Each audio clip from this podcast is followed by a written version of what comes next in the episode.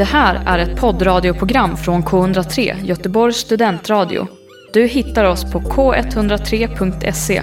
Av upphovsrättsliga skäl är musiken förkortad. I det här avsnittet kommer vi att prata om missbruk, psykisk misshandel inom familj och även ätstörningar och självskadebeteende. Eh, så känsliga lyssnare varnas för det.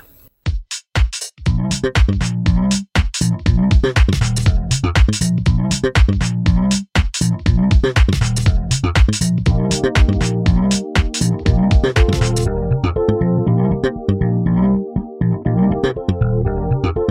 och välkomna till Bokkvartetten, en podd om böcker, läsning och allt däremellan. Idag kommer vi prata om den inte så roliga boken I'm glad my mom died av Jeanette McCurdy. Jag hade en... Jag kände att jag gick in med för mycket entusiasm. Detta är ju en bok som grundar sig i Jeanette McCurdys liv och hennes uppväxt. Och det, det är, man skulle väl kunna klassificera det som en självbiografi, men Maja, skulle du kunna berätta lite mer vad den handlar om? Ja, nej men eh, boken handlar ju om Jeanette McCurdys liv ehm, eh, och, eller uppväxt då, från att hon är liten till eh, och växer upp och är barnskådespelare under lång tid av sin uppväxt. Eh, och den handlar också om hennes relation med sin mamma som är väldigt drivande i hennes karriär. Mm. Eh, och hur hennes, deras relation också påverkar Jeanettes liv efter att mamman har gått bort. Eh, ja, Ja, det är för, väl för, ungefär det. gre- eh, jag tror inte det är en spoiler att säga att mamman är, alltså Janettes liv kretsar ju till en viss del kring mamman. Mm, mycket, speciellt under barndomen och den tidiga delen av hennes liv och sedan hur den relationen, ja precis som Mm. du säger, utvecklas och Ja. ändras. mamman är ju väldigt styrande i allting i hennes liv. Ja. Det är hon som får henne att skådespela och ehm, hon bestämmer ju verkligen inte över sitt liv Mm. alls eller så.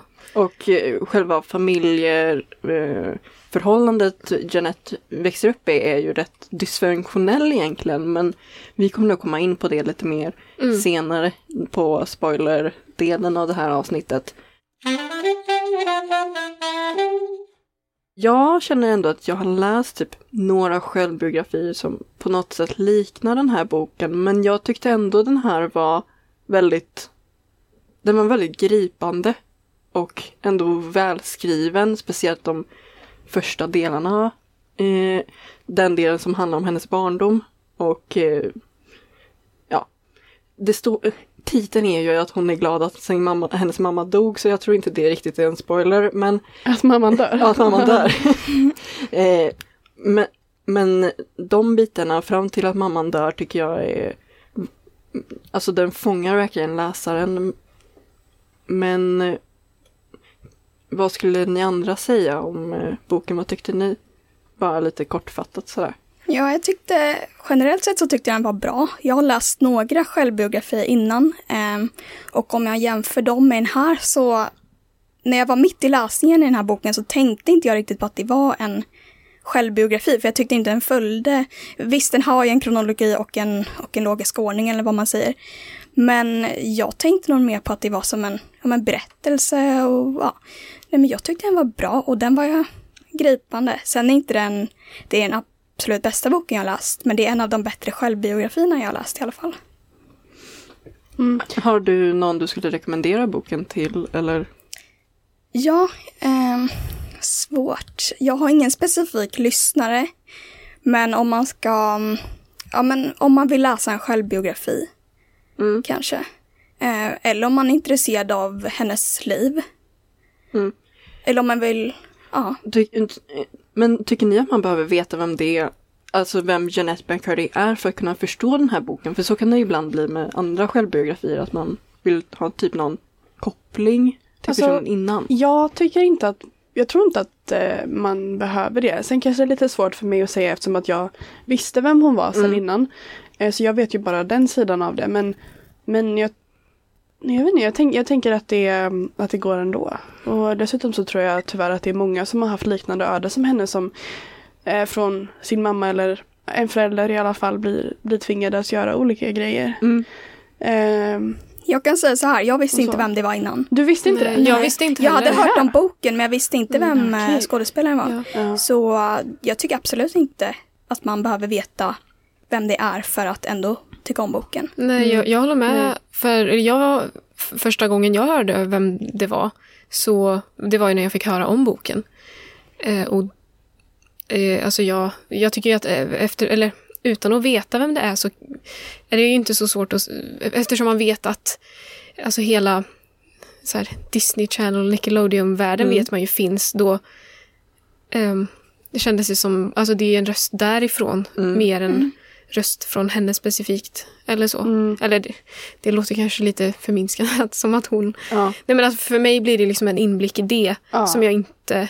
Exakt, det blir en Mm. inblick i Ja. de som, som, som de många barn, barnen Mm. som har det så här. Ja, Barnskådespelare eller Och då, barndansare. för mig var det liksom inte att det var just hon som Nej. var avgörande. Och jag, och jag tyckte hon var väldigt bra på att när det var så här specifika referenser till typ program eller eh, Eh, karaktär hon har spelat så tycker jag hon, ja, hon beskriver det väldigt bra på ett sätt som att även om man inte sett programmet så förstår man varför någon skulle till exempel säga en specifik replik till henne eller varför det betyder någonting för den karaktären och sådana grejer. Så jag tycker de delarna är ju väldigt väl gjorda så att vem som helst ska kunna läsa den här boken typ.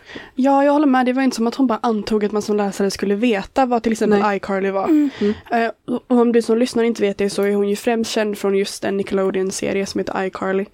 Ehm, Samtidigt Och så var det, det här. ja, samtidigt så la hon inte heller så mycket energi på att förklara det, det vill säga typ Nej. dumförklara de som redan vet, utan det var men jag vet inte, det låg väl någon förklaring där, men det var liksom mer underliggande. mm. Ja. Vad menar du med underliggande? Eller hur menar jag med det?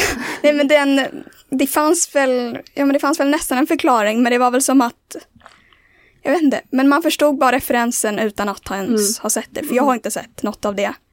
Och jag kunde ändå liksom förstå när de hade så här skämt och lite jargonger och sånt. Så det, Mm.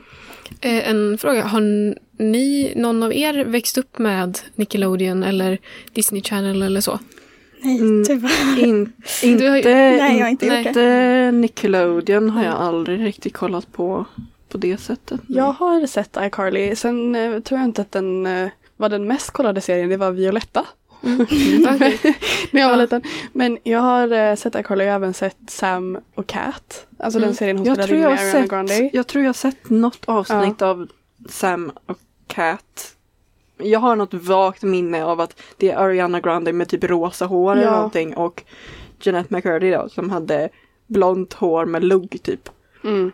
För jag tänkte lite att om man är en sån som har växt upp och verkligen tyckt om att titta på de här programmen så skulle det ju nog vara kanske en lite så här större sorg typ att läsa den här boken. För att man kommer aldrig kunna tänka tillbaka på det på samma sätt. Det är lite När mer man bakom vet, kulisserna. Ja, när man, Ja. när man vet hur det faktiskt hur de mår.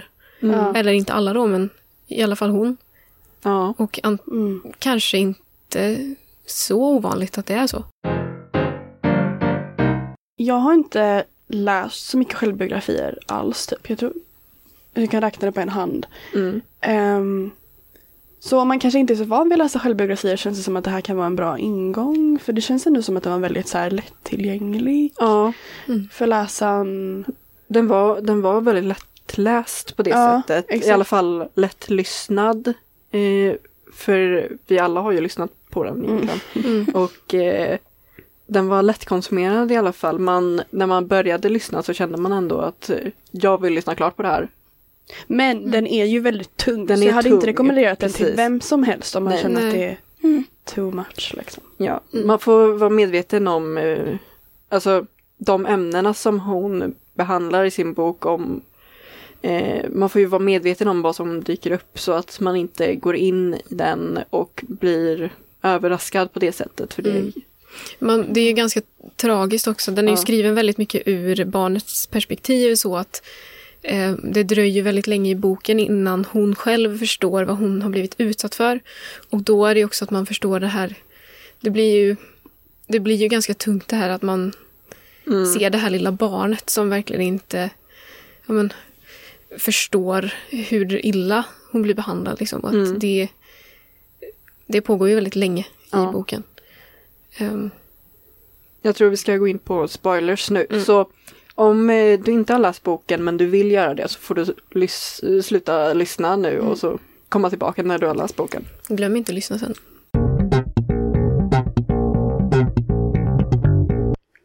Vad tyckte ni om mamman? För hon, hon var ju, alltså som sättet hon är beskriven i boken så suger hon ju verkligen, alltså hon är ju fruktansvärd.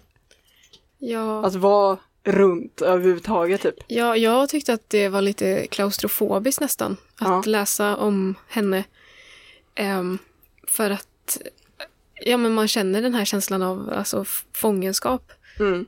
Bara rakt ut, eller nu lyssnar jag ju, rakt in i öronen fick man den känslan. Ehm, Det går ju inte att undgå att hon verkligen är den hon är. Men hon, samtidigt är hon ju inte heller medveten om det på det sättet. Eller jag menar, det är de andra människorna i hennes eh, närhet som ser det. Så på ett sätt kan man ju tycka synd om henne att hon inte själv ser hennes problem. Eller att hon själv, Mm. ja. Jag kan För inte hon- förstå vad du menar. Det är Alltså, väl lite form av, vad vi är inne på där med att hon har en du menar att det är synd om mamman? Nej, inte synd om mamman. Men jag menar liksom det... Nej, det är absolut Nej. inte synd om mamman, men... Eller jag kanske sa det, kanske lite. Fast alltså man du inte, kan. Ja. Ja, men om man inte är medveten om hur man är eftersom man ändå har en personlighetsstörning. Men jag tror ändå att folk försöker ju ändå uppmärksamma det i hennes Jo. närhet. För kanske inte på det snällaste sättet när de grälar och bara sök hjälp. Men det är ju ändå att folk i mammans närhet uppmärksammar beteenden i Jeanette som speglar mamman med till exempel anorexian. Mm. Och hon verkligen är så här bara nej, det är ingenting fel. Ja, absolut. Jag försvarar inte henne på något sätt, men... ehm, ja, Men jag kan ändå förstå vad du menar. Hon är ju psykiskt Ja. sjuk. Hon, eller det framgår ju sen i slutet i alla fall att hon har haft en narcissistisk eh, personlighetsstörning. Störing, störning. Ehm, och det är ju lite så här en ganska fruktansvärd lott i livet att, Mm. att få. Mm. Alltså så här, Ja, det är ju ett recept på att liksom inte vara omtyckt genom Ja. hela sitt liv. Precis. Eh, ja, och, och också liksom sen, sen så blir det ju också en, en väldigt eh, trist lott för dem runt omkring henne också för att de Mm. blev ju extremt påverkade av henne på, no, på ett sätt som kommer liksom följa dem resten av livet och det är ju såklart jättetragiskt. Eh, Mm. Ja. Men eh, Och samtidigt kan man ju också se det på så sätt att det är till, eller hennes relation med eh, dottern då, eh, Jeanette, det blir väldigt, eller man kan väl säga så att, att mamman blir extra manisk och liksom så i sitt beteende i och med att hon vill också typ leva genom Jeanette. Och det kombinerat med eh, den här personlighetsstörningen blir ju Mm. kanske lite, ja men, Ja. skarpt. Jag alltså fick ganska många så här... Eller jag tänkte ganska ofta på det här programmet Dance Moms. Ja. När jag lä- eh, hörde boken. För att, eller jag har aldrig sett det, men jag har sett väldigt mycket klipp ifrån Mm. det. Och där känns det ju som att varannan mamma där är ju sån. Typ. Ja, nej men man får ju i alla fall det intrycket med hur Ja. de har klippt den serien. Mm. Att alla är verkligen helikopterföräldrar typ Mm. som är mitt barn är bäst. Ja, och, Och det är som att barnen är alla- försökskaniner. Så fort mamman har tröttnat på det här ska de testa något annat. Ja. Det blir typ som att barnen blir små marionetter som de leker med och bara nej, vi måste ha det så här och så här och gör så här för då blir det bäst. Och det är så mycket konflikter mellan åsikter. mammorna. Ja, och det känns också ganska amerikanskt på något sätt. Ja. Alltså den här grejen med, eller den här grejen med en, en stor dröm och så att alltså mamman inte har lyckats med det och så ska den liksom, som du sa Lisa, leva genom sitt barn. Och att hon, Jeanettes mamma, hade ju velat vara skådespelare och sen så när Jeanette föreslår att hon kanske inte vill skådespela så mycket, då säger liksom mamman så här men du älskar ju att skådespela, det är din favoritsak i hela världen. Mm. Och alltså sånt där är ju... Och inte Alltså, bara hon- det utan ja. också att hon, hon nästan får Jeanette att alltså, må dåligt för att Mm. eh, eftersom att Janettes stora liksom, idol är ju mamman och så fort Jeanette liksom ens föreslår att hon kanske vill göra något annat utöver skådespeleri eller sluta med skådespeleri då blir ju mamman verkligen så här nästan förkrossad och då Mm. blir det såklart att Jeanette blir påverkad att nej, om jag säger det här då blir mamma ledsen. Mm. Och jag är så glad när hon upptäcker att hon tycker om att skriva. Ja. Och så visar hon det för sin mamma och ja, Mamman, eh, bara ratar det. ja, Mm. Ja. Ja, Det är så kul att ni tar upp Dance Moms för att jag, alltså det är så stor del av min barndom. Alltså jag kollade Mm. Dance Moms om och om igen, alltså så alla säsonger flera gånger. Ehm, och ehm, jag tyckte det var, eller, ja, det, det är underhållande men det är också så här, det är ju ganska hemskt egentligen om man tänker på det ur det, ur det perspektivet för på, på ett sätt är det ju liksom exploatering av mm, av barnen och eller det är ju det och man har ju utnyttjat eh, de här skadliga mamma-dotter-relationerna för att göra en show Mm. av det. Men eh, eh, jag skulle nog säga att eh, Jeanettes mamma var fan ännu värre. Ja, Eh, nu menar jag inte att de i Dance Moms var så bra, eh, men för det här var ju också utöver att hon blev pushad att bli skådespelare, det var ju så mycket mer. Mm. Det var ju dels det- ja, men, vikten och maten, Ja. duschundersökningarna, Mm. också det här, eh, ja hon blev ju kallad slampa och allt möjligt. Alltså, det känns som att hon ja, var så. nej men alltså, Men också att det här att hon ehm, genom sin karriär skulle behöva känna någon sorts ekonomiskt ansvar också. Ja, att hon inte kunde precis. sluta för att då var mamman så att, ja men hur ska vi, så här, du försörjer ju oss nu och att det är liksom att ja, hon, hon blev ju verkligen låst i det läget. mm, det, Och det är också som att mamman inte heller tål förändring på något sätt. Eh, på något sätt. Jag minns särskilt när de skulle köpa glass och, ja eh, och hon inte ville ha kokosglass. Mm, Eh, jag vet inte vad hon ville ha för glass. Hon men, ville ha cookie eller- dough tror jag. Ja. men det var ändå att hon ville, hon hade, men det är som att mamman såg på henne med Ja. tårar i ögonen. Och samma sak var väl när hon sa att hon inte gillade färgen rosa Ja, eller precis, något. att hon gillade lila istället egentligen. Men eftersom att mammans favoritfärg var rosa, då fick inte hon byta. Mm. Ja, och hon fick ju inte ja. byta glass för att det var att då skulle det vara som att hon hade vuxit upp. mm. Ja, Ja, hon var ju, Ja. mamma var ju liksom, det var som att hon hade någon så här panisk rädsla för att alltså, barnen ska växa upp och Det är ju Ja, men jag tror hon-. Och, Ja, eller, att hon alltså- var rädd att när barnen skulle växa upp att hon inte, det, det blir en typ som ett kontrollbehov som du säger. Att Mm. Det kändes lite som att hon var rädd för att barnen skulle växa upp för då skulle hon inte kunna kontrollera dem lika lätt och då hade det, hennes tillvaro blivit typ svårare på ett sätt för då kan hon inte kontrollera alla i sin Mm, hon omgivning. kan inte använda Ja. dem för att få det hon vill. Precis. Och det är jätte- jättesorgligt att det, ja men som det där med färgen, det har ju verkligen ingen som helst betydelse. Nej. Och på samtidigt vill jag ändå säga så här, om man tänker författarnivå så är ju det ändå en väldigt, väldigt bra, alltså, mm, bra detalj hon lyckas fånga. Så man verkligen förstår hur manisk mamman är och hur, ja, men, hur mycket hon kontrollerar. Men med. det är Ja. jätte, jättesorgligt. Mm, men också det är ju när Jeanette själv säger att hon vill inte växa upp och hon vill inte förändras. Då gör ju mamman allting i sin makt för att få det att inte ske genom att introducera en ätstörning till sitt barn. Det är ju helt sjukt egentligen. Mm. Eller mamman hade redan sådana tendenser innan. Ja, hon hade ju själv den tendensen. Och sen eh, när Jeanette sa att hon inte ville hon, Jeanette var ju den åldern, hon visste ju inte vad anorexia var eller ätstörningen. Så hon var ju jätte, hon var, vad var hon, typ 11 kanske? Mm. Ja, Om ens 11. det. Men och liksom så då introducerar mamma den här kaloriräkningen så att det blir nästan som en liten lek som de två gör. Även om det är ju det är helt sjukt att, för det blir ju att det introducerar en ätstörning att hon måste vara jättesmal och jätteliten för annars kommer hon växa upp och ändras för mycket. Mm.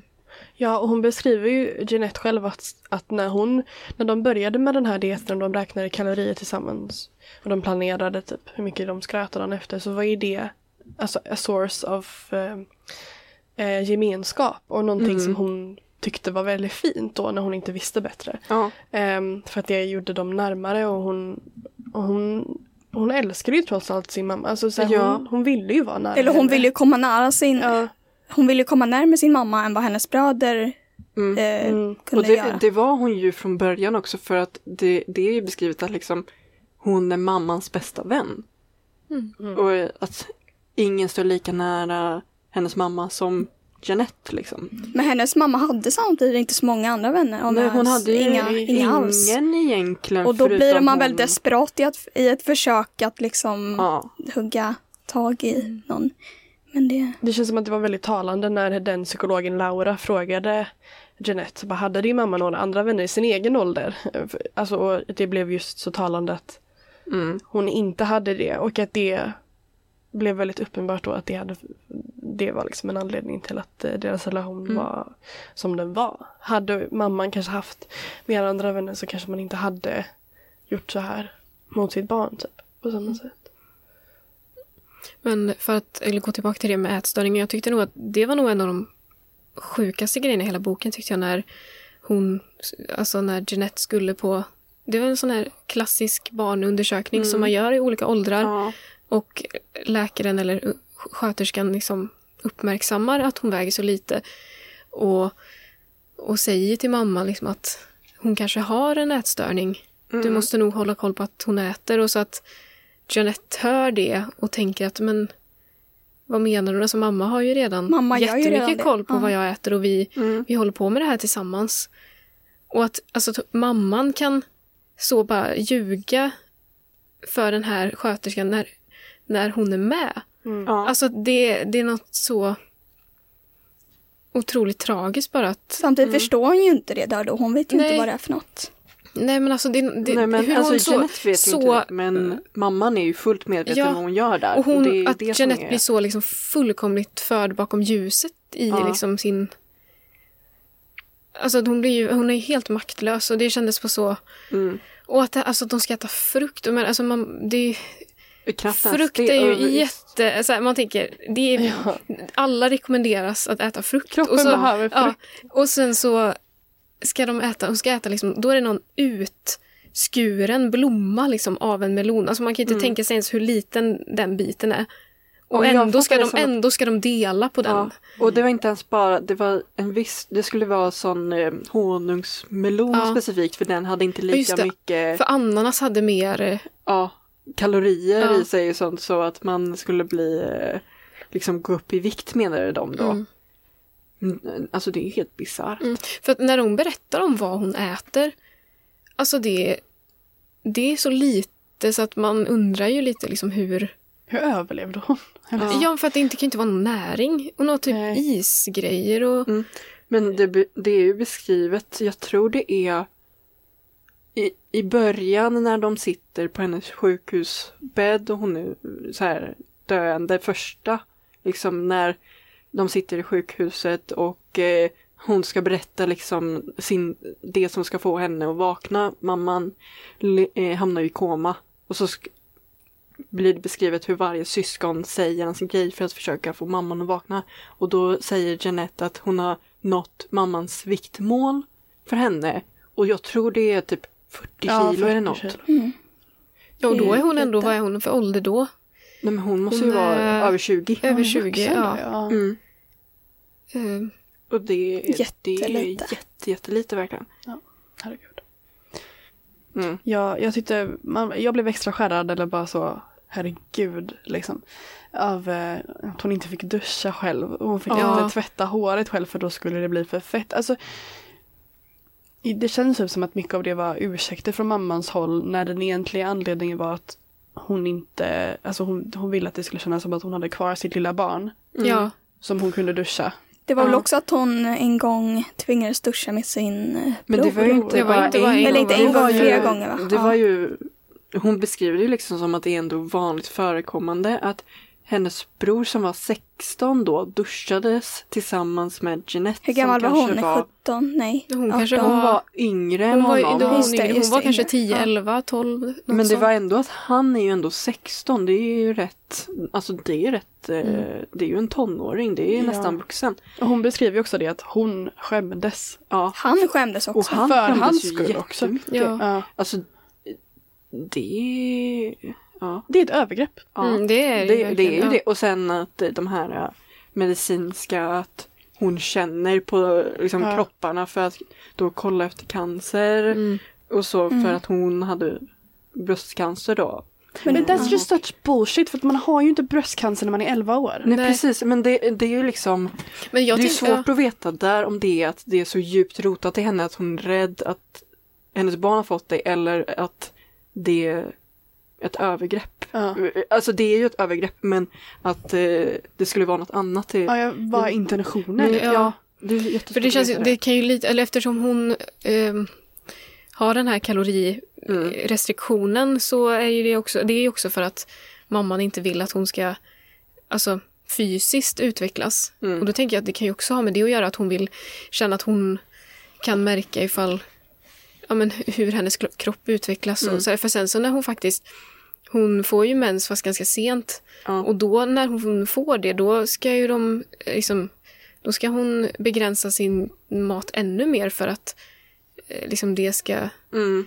stanna av och liksom hennes pubertet ska liksom pausas för att hon också och då tänker ju också, det är också så tragiskt att Jeanette tänker att det är logiskt för att då kommer hon kunna fortsätta vara ett barn så att hon kan få fler barnroller i längre Men det är så sorgligt. Men Ja. det är verkligen... Att man som, eller att hon som barn inte inser det där och då. Mm. Och, sen, och sen när hon väl inser det i vuxen ålder så tar det ju, det är då läkningsprocessen börjar. Ja. Så den blir liksom det- dubbelt så lång. Och då har det pågått i typ hela hennes liv egentligen. Att, eh, Och fått en sån skev ja, Ja. uppfattning och bild ja, under hela barndomen. nej men verkligen. Mm. Ja, för det förstör ju hela hennes relation till mat och allting. För att sen när ma- mamman inte finns där för att kontrollera så då eh, har, alltså hon har ju, hon har ju liksom inget vad ska man säga, hon har inget koncept för att liksom njuta av mat eller Nej. det, det är liksom, det, det är helt, ja, men vad ska man säga, fuckat. Ja. alltså så. Ja, men verkligen. Ja. Och i slutet, av boken så, eh, i- i slutet av boken så sörjer hon ju sin mamma. Men hon sörjer också en barndom som har gått förlorad och sörjer för att hon typ sörjer över sin mamma eller typ ifrågasätter sorgen däremellan. Ja, eller typ att hon undrar ju varför hon känner så starkt för mamman lite grann och sörjer över det att jag vet inte, men det är ja, Mm. Det är så här. Det är som att hon gråter. För att hon Eh. gråter av att hon gråter. För att hon inte vet varför hon sörjer sin mamma. Eller hon känner ju något. Men Ja. hon... eh, Ja, Jag kände nog mer att hon, alltså att hon grät för den barndomen hon inte fick liksom. Jo. Att, att hon, hon förtjänade bättre. jo, men också att eh, man tänker eh, så här, objektivt så kanske hon inte skulle vara så ledsen för att hennes mamma dog. Men hon är ju det och då Ja. kanske hon typ i den sorgen undrar varför hon känner någonting. Mm. När hon själv har intalat sig själv att hon inte känner någonting för sin mamma. Ja. Mm, ja. Eller hon känner ju uppenbarligen någonting. Det gör hon väl. Mm. Mm. Men, Men, varför tror- hon känner så starkt. Hon har ju älskat det sin mamma hela livet utan att förstå att det är hennes mamma som har liksom manipulerat henne till Mm. den här starka relationen som de har. Och att... Nej, men, alltså Jeanettes känslor kring mamman är ju av rätt uppenbara skäl väldigt komplex. För det, hon minns ju inte bara det som hon hatade utan även så här stunder att hon gillade ju att göra sin mamma lycklig. Men Det då, var ju därför ja, hon och det är också allting. ett sånt här svårt förhållande till hennes känslor. Vad, Mm. Hon vet ju inte vad som är rätt för henne att känna då. Nej. Ska man både, kan man både älska och hata? Ja, det kan man, men det är... Ja, så hon är väl för, förvirrad där, vad hon känner för Mm. sin mamma. Ja. Uppfattar jag det som i alla fall. Jo, alltså jag upplever också det, men jag upplever ändå att det är något slags skifte där. För först när den här psykologen Laura då börjar rucka lite på hennes idé om sin mamma som hon har satt upp på en pedestal så tycker hon ju det är jättejobbigt. Och bara så här, ska du förstöra hela liksom bilden som jag har byggt mitt liv på? Nej, men hon tycker ju det är så jobbigt att hon, hon eh, bryter ju med Laura Ja exakt, totalt. hon slutar ju gå till henne. Men efter, alltså om man tänker på liksom bara den sista scenen så känns det ändå som att hon, där har hon ändå kommit till den insikten att hennes mamma var den här eh, misshandlaren, psykiska misshandlaren och att det var övergrepp för där.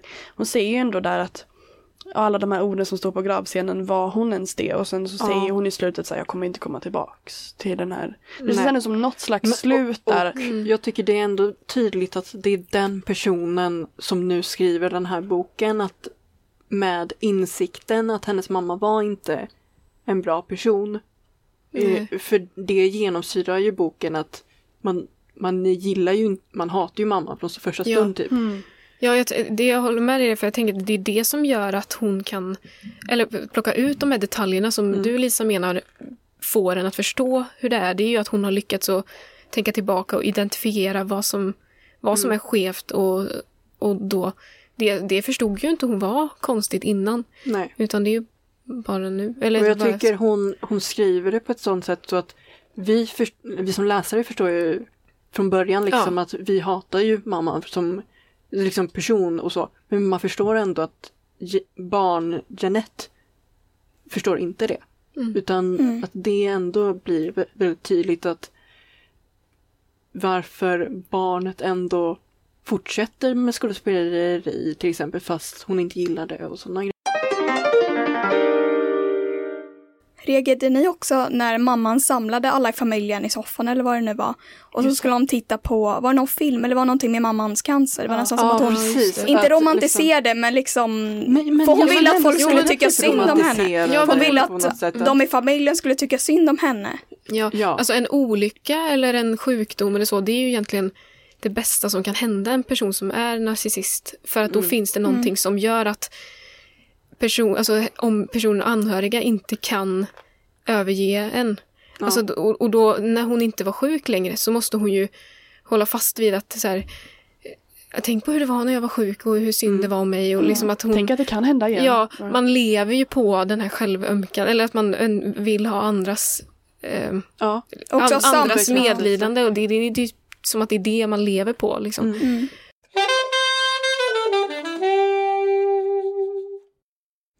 Jag vet inte om man kan kalla det att barnet har ett CV, men att en sak som gör henne till en bra barnskådespelare är ju att hon kan eh, gråta på beställning. Mm. Och det är ju en sån grej som mamman har velat få henne att lära sig genom att då till exempel säga att hon ska föreställa sig att, att hon får tillbaka sin cancer och Ja, blir det är sjuk igen eller att hon dör. hon Eller att, någon, det. att hon hittar på olika scenarier som Jeanette ska tänka på för att bli ledsen när hon blir ombedd att gråta. Så. Mm. Och sånt där är ju också helt... ehm, det är ju kanske inte den metoden man ska lära ett Nej, nej. barn. Men jag tycker det samtidigt det visar verkligen på hur mycket barn Jeanette älskade sin mamma för hon sa att all, alla tankar var så här möjliga för att få henne att gråta förutom hon hade aldrig kunnat tänka att sin mamma dog eller att hennes mamma fick tillbaka sin cancer. Det var liksom off limits. Hon ville inte ens tänka den tanken utifall att det skulle hända eller att Gud skulle lyssna för hon, det var ju en familj med, eh, de var ju mormoner. Ja, ja och sen så har ju, också, hade hon, har ju hon också någon typ av tvångstankar Ja. och så. Att, Mm. att hon tror ofta att om hon inte eh, gör vissa saker så kommer vissa Ja. eh, dåliga konsekvenser. Och, Mm. och sånt, det måste ju också vara triggat av eh, mammas sjukdom och, och sådana där grejer.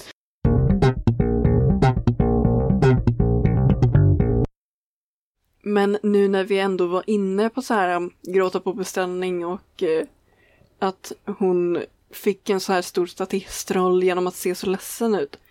Hela den här skådespelarbranschen är ju beskrivet på ett så, alltså så fruktansvärt sätt egentligen.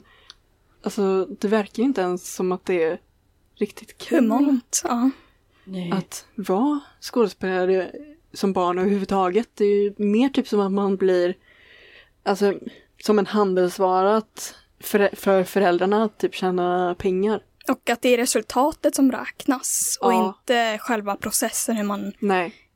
kanske lite hur man utvecklas då för det ger ju ytterligare resultat. Men det är, om det är bara fokus framåt och Mm. hon har inte ens hunnit få sin roll förrän mamman har börjat kolla på andra roller hon kan få. För Ja. att hon kommer få den här rollen.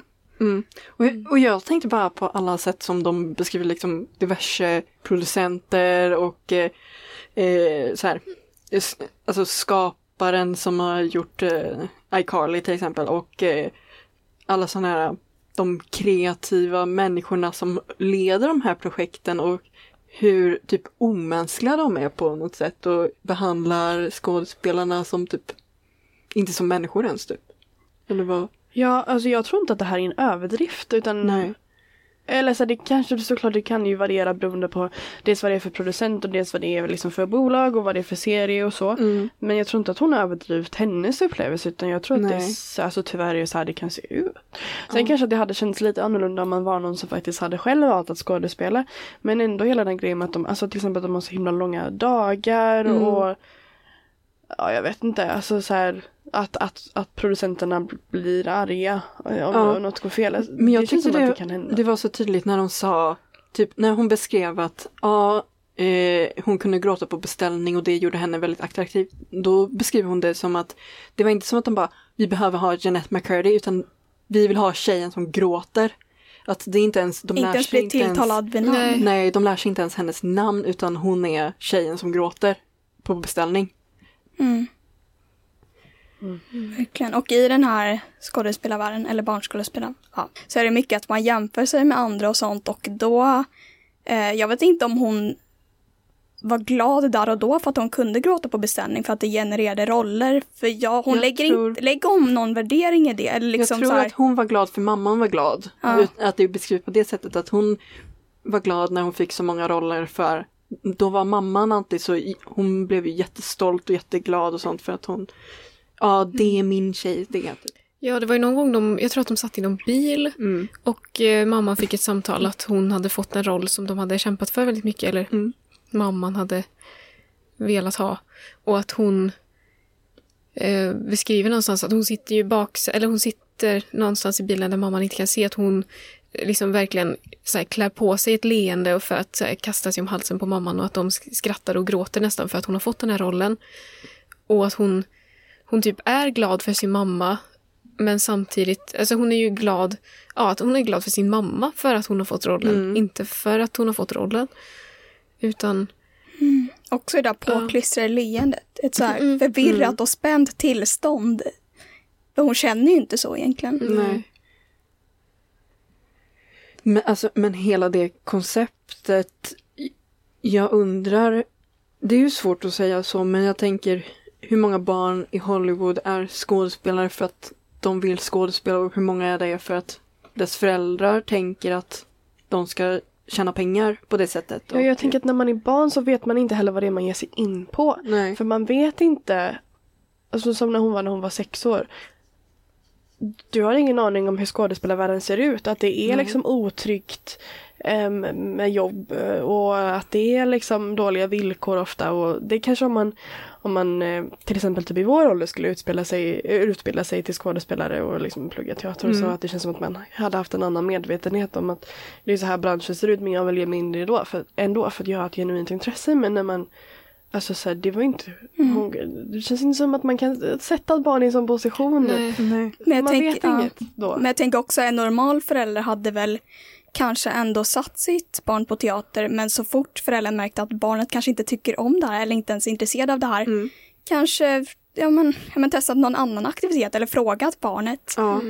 Det känns ju ändå mer, för det är också så här, barn som börjar på gymnastik när de är typ 3-4 år, de har ju knappast en egen vilja, alltså så här, helt Mm, klart nej, och nej, tydligt. så jag menar, någonstans måste ju ändå föräldern kanske bara, ja men vi, vi, vi testar här, men då observera så att vi testar. Jo, Ja. jag fattar vad du menar men då hade man kunnat sätta henne i liksom teater då. Ja. Där man liksom får så, eh, Men så interagera Det, med andra man, det barn. hade ju kunnat räckt med egentligen typ skådespelarlektioner. och Men det här var ju Så- så här, det här jag vill att du ska hamna på tv. Mm. Det, alltså, Jo, det, det är sant. Det är en Ja. annan Ja. grej tänker jag. Och om man jämför med hon eh, Miranda, eller Mm. ehm, hon kändes ju som att hon var mycket mer fri Ja. i sitt... Eh, jag vet inte vad hon hade för relation till sina föräldrar. Jag, Jag vet inte, de, hennes föräldrar typ Nej. nämns inte så det är Men det jättesvårt ja. att veta men de verkar inte vara så här närvarande på det sättet som Janettes mamma är. Men det är också, Janettes mamma är ju verkligen alltid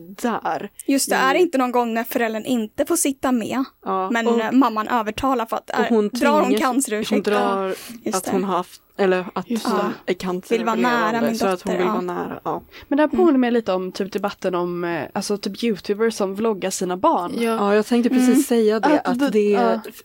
Jag skulle tro att det finns i mycket större utsträckning idag än för bara typ tio år sedan nu med familjevloggare och så här familje-youtubers som liksom verkligen filmar sina barn i alla stunder och sätter ut så här pinsamma ögonblick. Ö, ö, jag mår så Också dåligt. bilder på Instagram, eller starta ett eget Instagramkonto för barnet.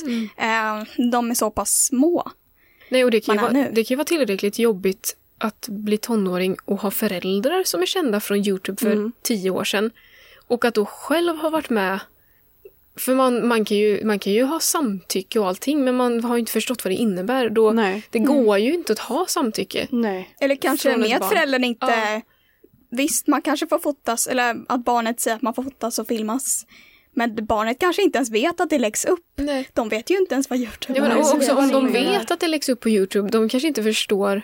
Att så många ser det. Nej, Ja. ja. men exakt. Nej, men Ja. barn har ju ingen så här framförhållning att ja, det här kommer ligga kvar om tio år eller att min eh, liksom framtida eh, som ska anställa mig kom, kan eh, få fram det här om de googlar mitt namn. Mm. Och det är så sorgligt Alltså, att föräldrarna sånt. utnyttjar det barnen har sagt som var roligt till att liksom folk, eller ja, att det genererar visningar och sånt. Mm. Och inte det de själva faktiskt har gjort.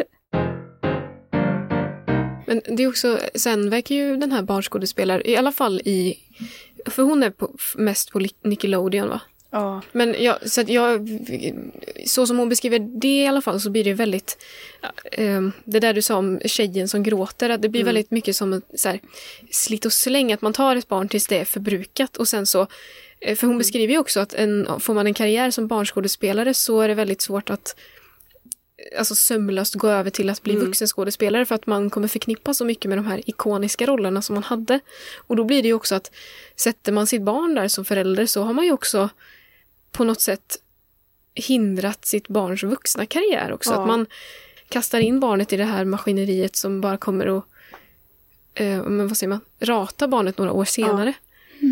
Och, och jag tycker det blir väldigt så tydligt när Jeanette till exempel beskriver folk som kommer upp till henne på gatan och inte vet hennes namn utan bara så här, Säg en replik säger från en replik serie. från serien eller kallar henne för karaktärens namn eller så här grejer som den karaktären brukar göra och det måste ju bli väldigt skevt för alltså vilket barn eller ungdoms som helst deras psyke att vara så förknippad med någon som man inte är att Mm. Jag Folk relaterade tror inte att alls den- till karaktären. eh, Men Det, eh, jag tänkte på hon som, det blir så himla typiskt då att jag inte riktigt minns vad hon heter, men hon som spelar Pippi Långstrump hon har ju också pratat om det att hon hade ju aldrig kunnat få en skådespelarroll efter det för att alla, alltså vuxna gick fram till henne och sa, alltså kallade henne för Pippi. Liksom. Mm. Och det, alltså det, Men det är väl Det ju- nästan man alla får ju- Astrid Lindgren, om man tänker på Ja. barnböckerna där, som inte har, jag tror han Emil i Lönneberg eller något har väl haft någon roll, men det är inte så många som har valt att fortsätta med det Nej, sen för att nej, det, de har ju verkligen de har typ insett där och då att det var från- för ja. mycket nästan. mm. och att de har aktivt valt att eh, nästan gå under jorden och liksom Och att det uteslutande beror på att de blir så Mm. igenkända. Och det är ju, det säger ju någonting för att man, man vill ju ändå tänka att alla barn som är med, eller är med hos skådespelare, eller vissa barn har ju säkert roligt. Mm. Men det blir så ändå, att de skadas av det på lång sikt för att de inte kan eh, greppa konsekvenserna Mm. där och, och då. jag tror, jag tror det på i alla fall i så här, hur Hollywood, den sidan be, beskrivs så fick jag känslan mer som att det antagligen är många fler barn som skadas av den branschen än som faktiskt har kul typ. Ja. Mm. Och att folk runt omkring som känner igen dem på stan inte kan skilja mellan karaktär och person man är i vardagen och att de inte kan se att folk förändras. Nej. Ja, just den bilden borde vara påtaglig att hela tiden konfronteras med. Mm. Så sjukt är det Inte när hon är på är. sjukhuset Ja. och eh, Ja, och sjuksköterskan känner igen henne och bara så här, "Ah, kan inte jag ta en bild på dig? Du liknar Sam. Eller Mm. typ att hon vill visa dottern eller typ. Ja. Ja. ja. Nej, det är jättehemskt. Människor. Vad tyckte ni om det här formatet då, eller sättet den här var skriven på? Den här Mm. boken. Jag, eh, eller jag läser inte heller så mycket självbiografier. Jag har börjat göra det lite mer på sistone för att jag har börjat lyssna. Eh, och för mig var den väldigt fängslande. Ibland, jag tycker det kan eh, lätt bli så lite långtråkigt när Ja. folk skriver om sitt liv. För att de tar ofta med väldigt mycket från barndomen till vuxna. Så går de igenom allting. Men det här var mer, varje kapitel var som ett utsnitt eller ett litet ögonblick som tillsammans med alla de andra blev det liksom en helhet. Så att man, Mm. och, och jag tror att det, det var väldigt bra att hon inte drar allting utan hon plockar ut det som är ehm, men intressant för, alltså för att hålla kvar ens eh, intresse. Mm, verkligen. För jag tycker Mm. ändå varje kapitel har en sorts form av um, intensitet, eller hur säger man? Intensitet. Intensitet. Intensitet. Intensitet, ja. Ehm, att det liksom... Ja, sen var väl lite där i mitten kanske, eller fram till att, som du var inne på förut Alexandra, vad du sa, fram till att mamman... Alltså den, den är, jag tyckte att den var väldigt stark fram till att mamman dog, men sen att den nästan tappade lite fästning med att det var inte lika tydligt längre vad, eh, liksom, vad hon ville berätta om på något sätt. Men det kan ju också på ett sätt forma att när hennes mamma precis hade dött så då blir ju hela hennes liv som en dålig spiral. Att det men det blir lite lösare. Ja. Men alltså i själva sättet som den är skriven så tycker jag att den inte är lika li, den är inte lika tajt efter mamman dör. Men jag tyckte fortfarande att den var välgjord genom hela egentligen och jag gillade att det var så pass korta kapitel för det, det blev ungefär som att varje kapitel var som en liten scen.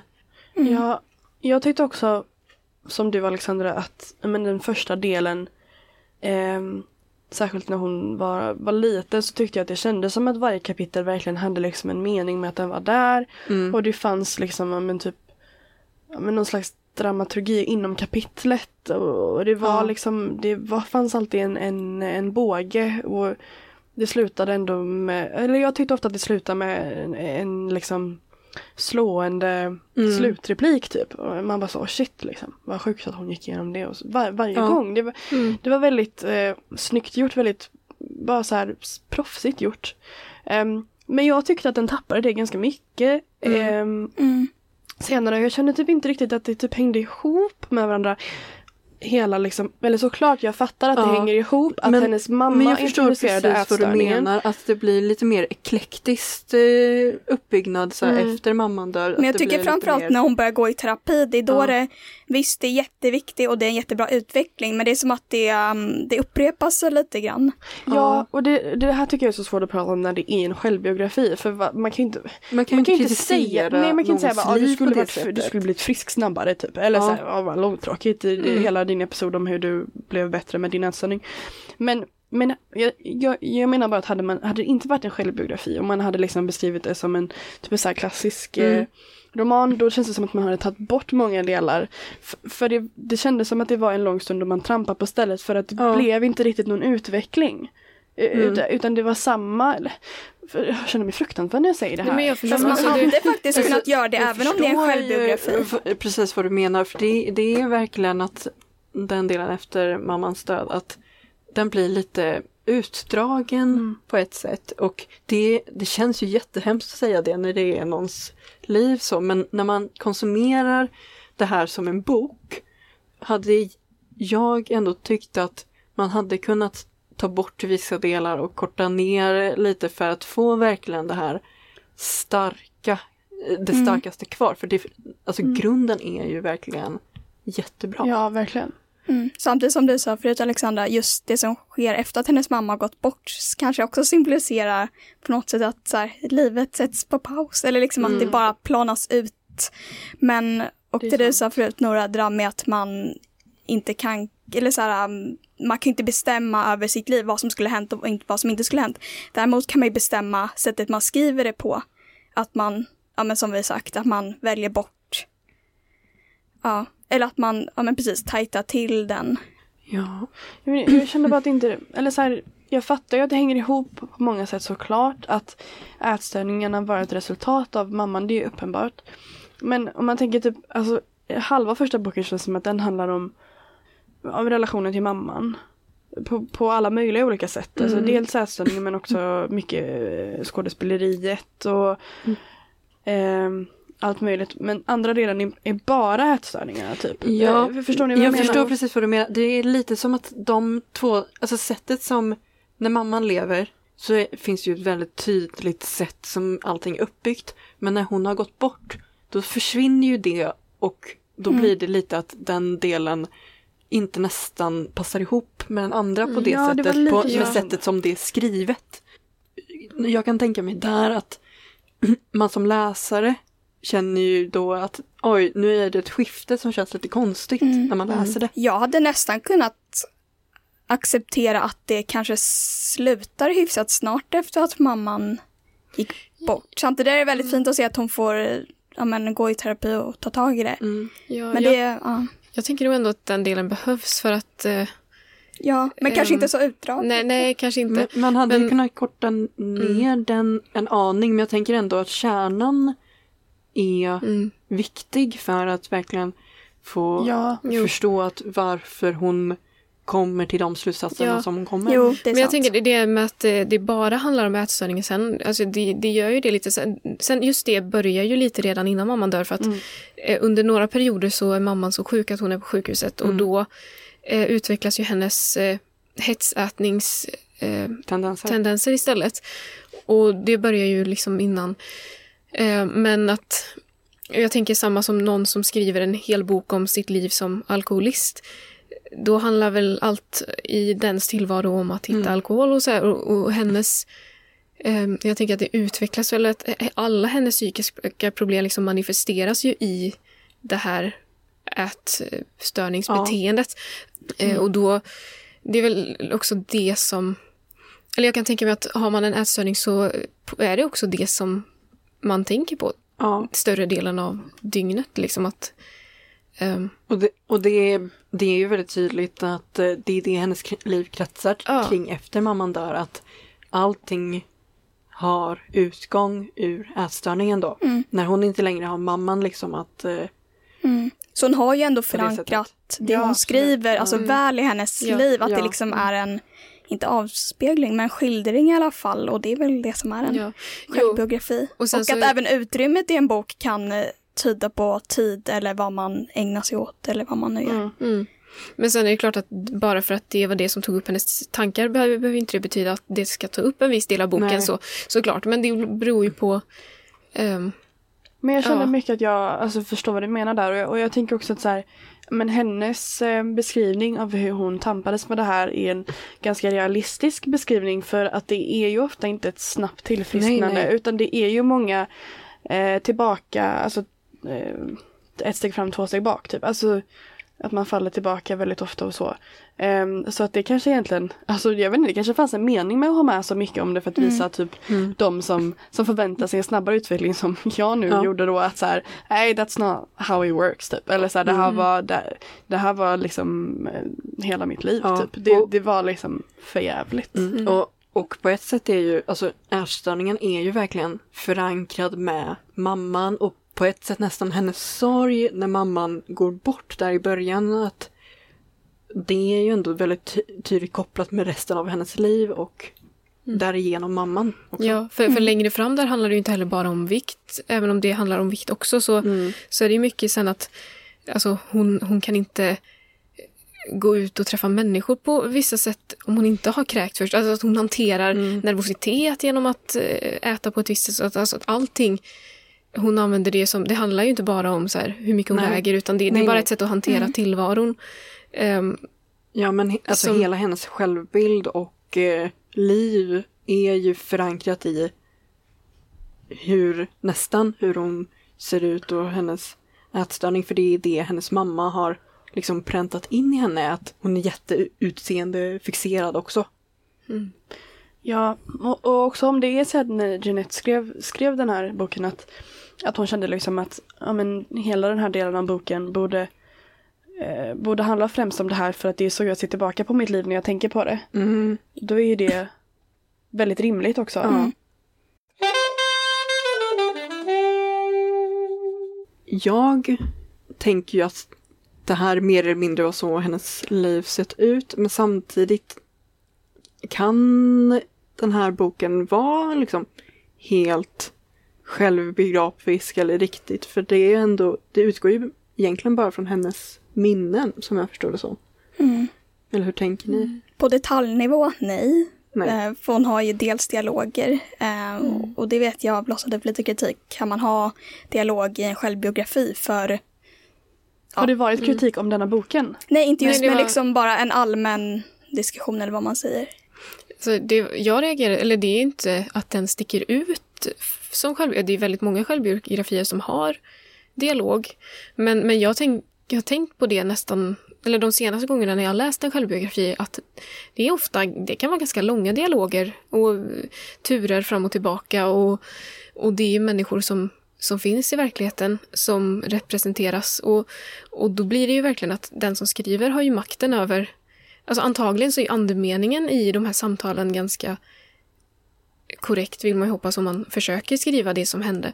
Men man kan ju inte minnas ordagrant vad alla sa eller och speciellt inte, hon har ju, di- hon har ju repliker från när hon var alltså sex sju år. Ja, Men man har ju också Ja. makten att ta bort något man själv minns Ja. att man sa. Makten att re- redigera med andra ord. men jag undrar också de här delarna när hon var liten och så. Jag undrar om hon, hon måste väl kanske, hon har ju syskon, eller Mm. Tre äldre bröder tror jag det var. Eh, och hon kanske har liksom Växlat ihop dem. Väx- Ja. ja, växlat upp dem. Eller bara konsulterat dem när hon har skrivit boken. Mm. Kommer ni ihåg vad hon sa eller sånt? Mm. Eh, men jag tänker också, alltså en del, en, journalisten i mig känner ändå så här att det här handlar ju ändå om en kvinna som har dött och hon var till viss del i offentligheten. Så även om hon själv var känd för att hennes dotter var känd. Men hon kommer ju aldrig kunna svara på det här så det här är ju ändå Mm. bilden av henne som folk kommer minnas. Ja. Sen så är det ju också att det hade ju... Det är ju helt sant det du säger. Samtidigt så hade det ju... Hon hade ju inte kunnat skriva den här boken innan mamma Nej. dog. Och Nej, det, går, det är ju... Någonstans så...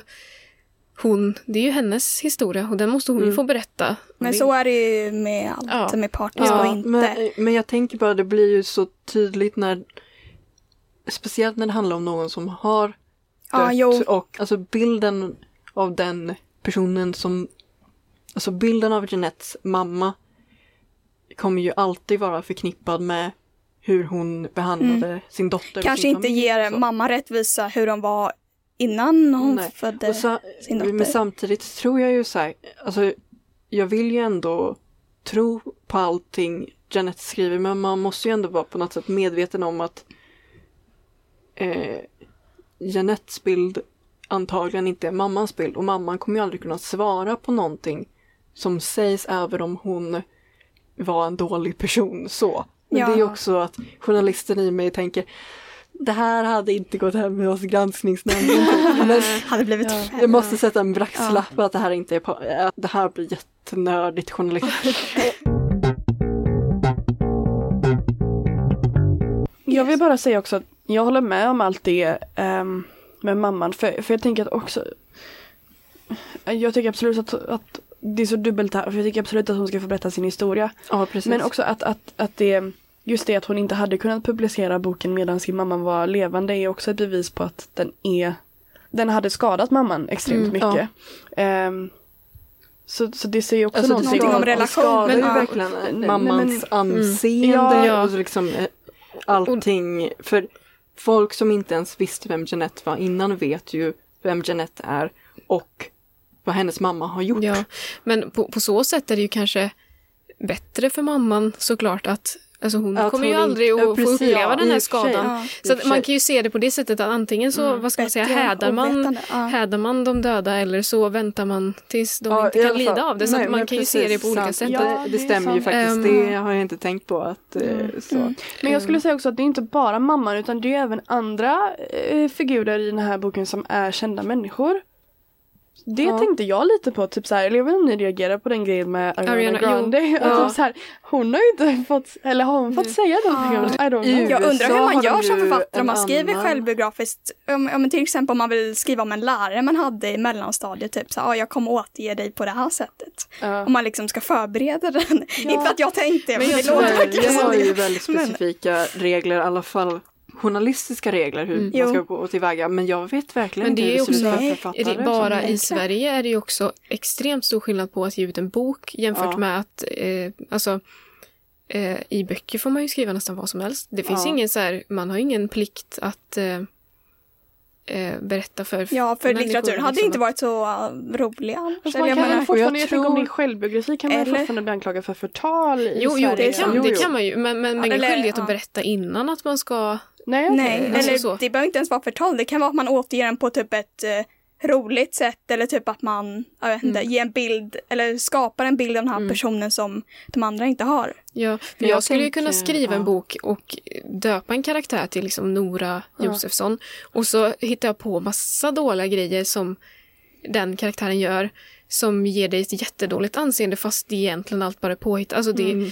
alltså man, man kan göra typ vad som helst egentligen. Och jag tänker, vad jag, det lilla jag vet om lag, liksom publicistlagarna i USA eh, är ändå att de har väldigt, väldigt starka, att man kan skriva typ böcker om precis vad som Alltså helst. stark Och typ, yttrande. Ja, väldigt starka Ja. yttrandefrihets och tryckfrihetslagar. Eh, Mm. Att det är OK med att trycka typ vad som helst. Samtidigt som de har så instruktionsböcker till en typ teknisk pryl att liksom så eh, doppa den inte i vatten för att de Ja. är så rädda att folk ska stämma folk för allting. nej, men verkligen.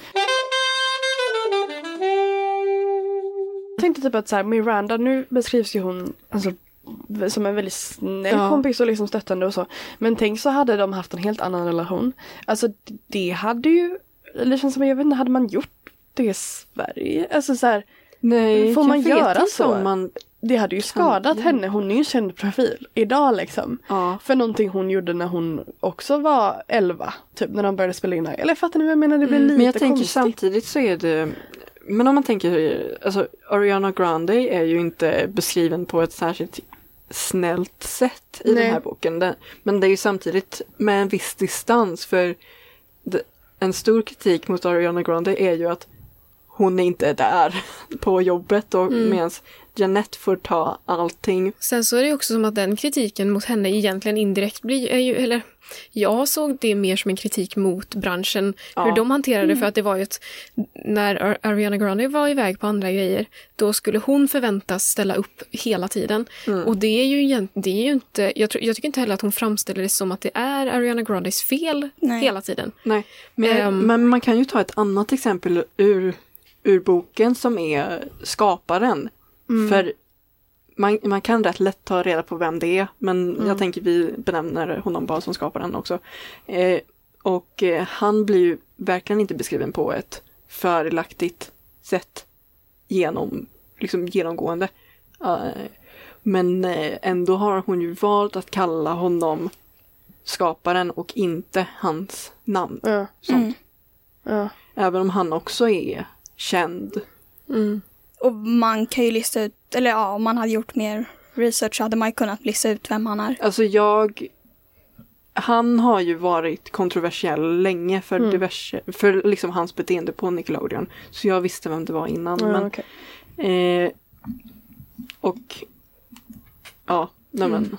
Jag Han, han är jag- kontroversiell figur. Ja, jag känner att så här, I caught myself i lite dubbelmoral här nu. Ja. För, för, för eh, jag, ehm, när det gäller typ sådana um, såna karaktärer som skaparen påminner mig också lite om eh, kulturprofilen Ja. eh, i Sverige. Att det är man ju glad att det kom till ytan. Mm. Det hade man ju Ja. inte velat vara repressed. Så vad går gränsen då? Vilka människor får man publicly liksom prata illa om? Och vilka Men jag får man tänkte, det är vilka som har var makt och vilka är som ändå tål. att han, Ja. alltså de kan ju säga, de kan ju åtminstone, åtminstone, de kan ju säga tillbaka. De kan ju få yttra sig mot det. Ges genmäle. Ja, de får ju möjligheten att säga emot. Mm. Alltså inte i den publikationen, men Mm. de kan ju uttala sig offentligt att jag håller inte med eller det här är lögn eller Mm. bla bla bla. Och sen man har ju en förläggare och det kanske är så att man har skrivit eller att hon har strösslat med detaljer och att Mm. förläggaren i fråga kanske mer har så här, ja vi kanske inte ska, Ja. eller ja, man har ju, nu vet ju inte jag, eller det var väl tydligen friare i USA men det finns ju viss skyldighet från bokförlag och även förläggare att liksom hävda att Mm. man kanske inte ska... Alltså jag tror det är friande i, friare i USA. Min bild av USA säger att det är friare. Men Vi vet jag, inte jag har 100%. ingen liksom, Nej. lagbok i Nej. huvudet. Jag tycker bara det är intressant liksom. Ja, jag tänker också Just när det är det. självbiografier. Ja, Mm. Det är en annan sak om det är fiktion. mm, Ja. precis. Jag vill bara säga en sak, det där med om den är självbiografi eller inte. Det är också att vad man väljer och vad man väljer bort. Det ger ju också en... Det hon nu har skrivit är korrekt, men det hon har valt bort kan ju också vara korrekt och det kan ju också ge en missvisande bild av Mm. alltså det, det, den tiden hon har valt att skriva fram, eller det Ja. livet. Ja. Men samtidigt tänker jag ändå att självbiografi är det bästa sättet att benämna sådana här böcker. För det blir tydligt att det här är den här personens bild av sitt egna liv. Jo, Ja, men det hon har då- valt bort är ju också hennes Jo, liv. jo, men då... jag, jag menar bara att det blir tydligt att det här är en person som skriver om sig själv. Och då Ja. vet man från början att man är ju alltid partisk för sig Jo, det är själv. sant. Det är, Mm.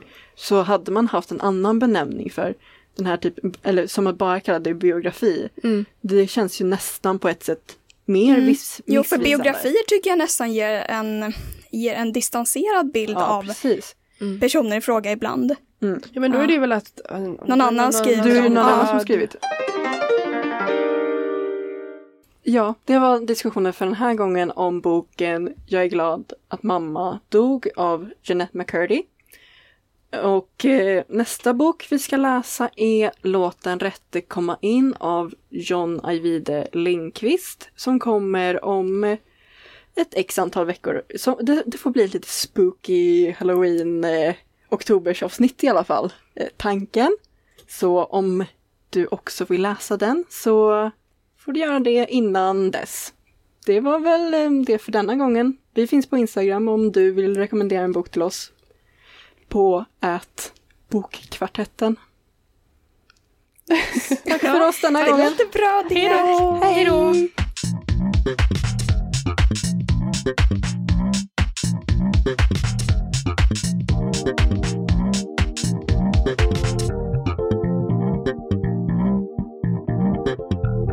Man kan ju benämna det som, ja men det är en självbiografi och, alltså nu bara spekulerar jag här, Ja. behöver inte ta. Ja men det Ehm, låter bra. Tyst ja. nu.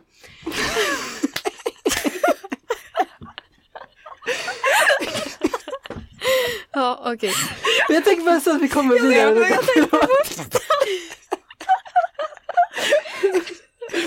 jag Du har hört en poddradioversion av ett program från K103.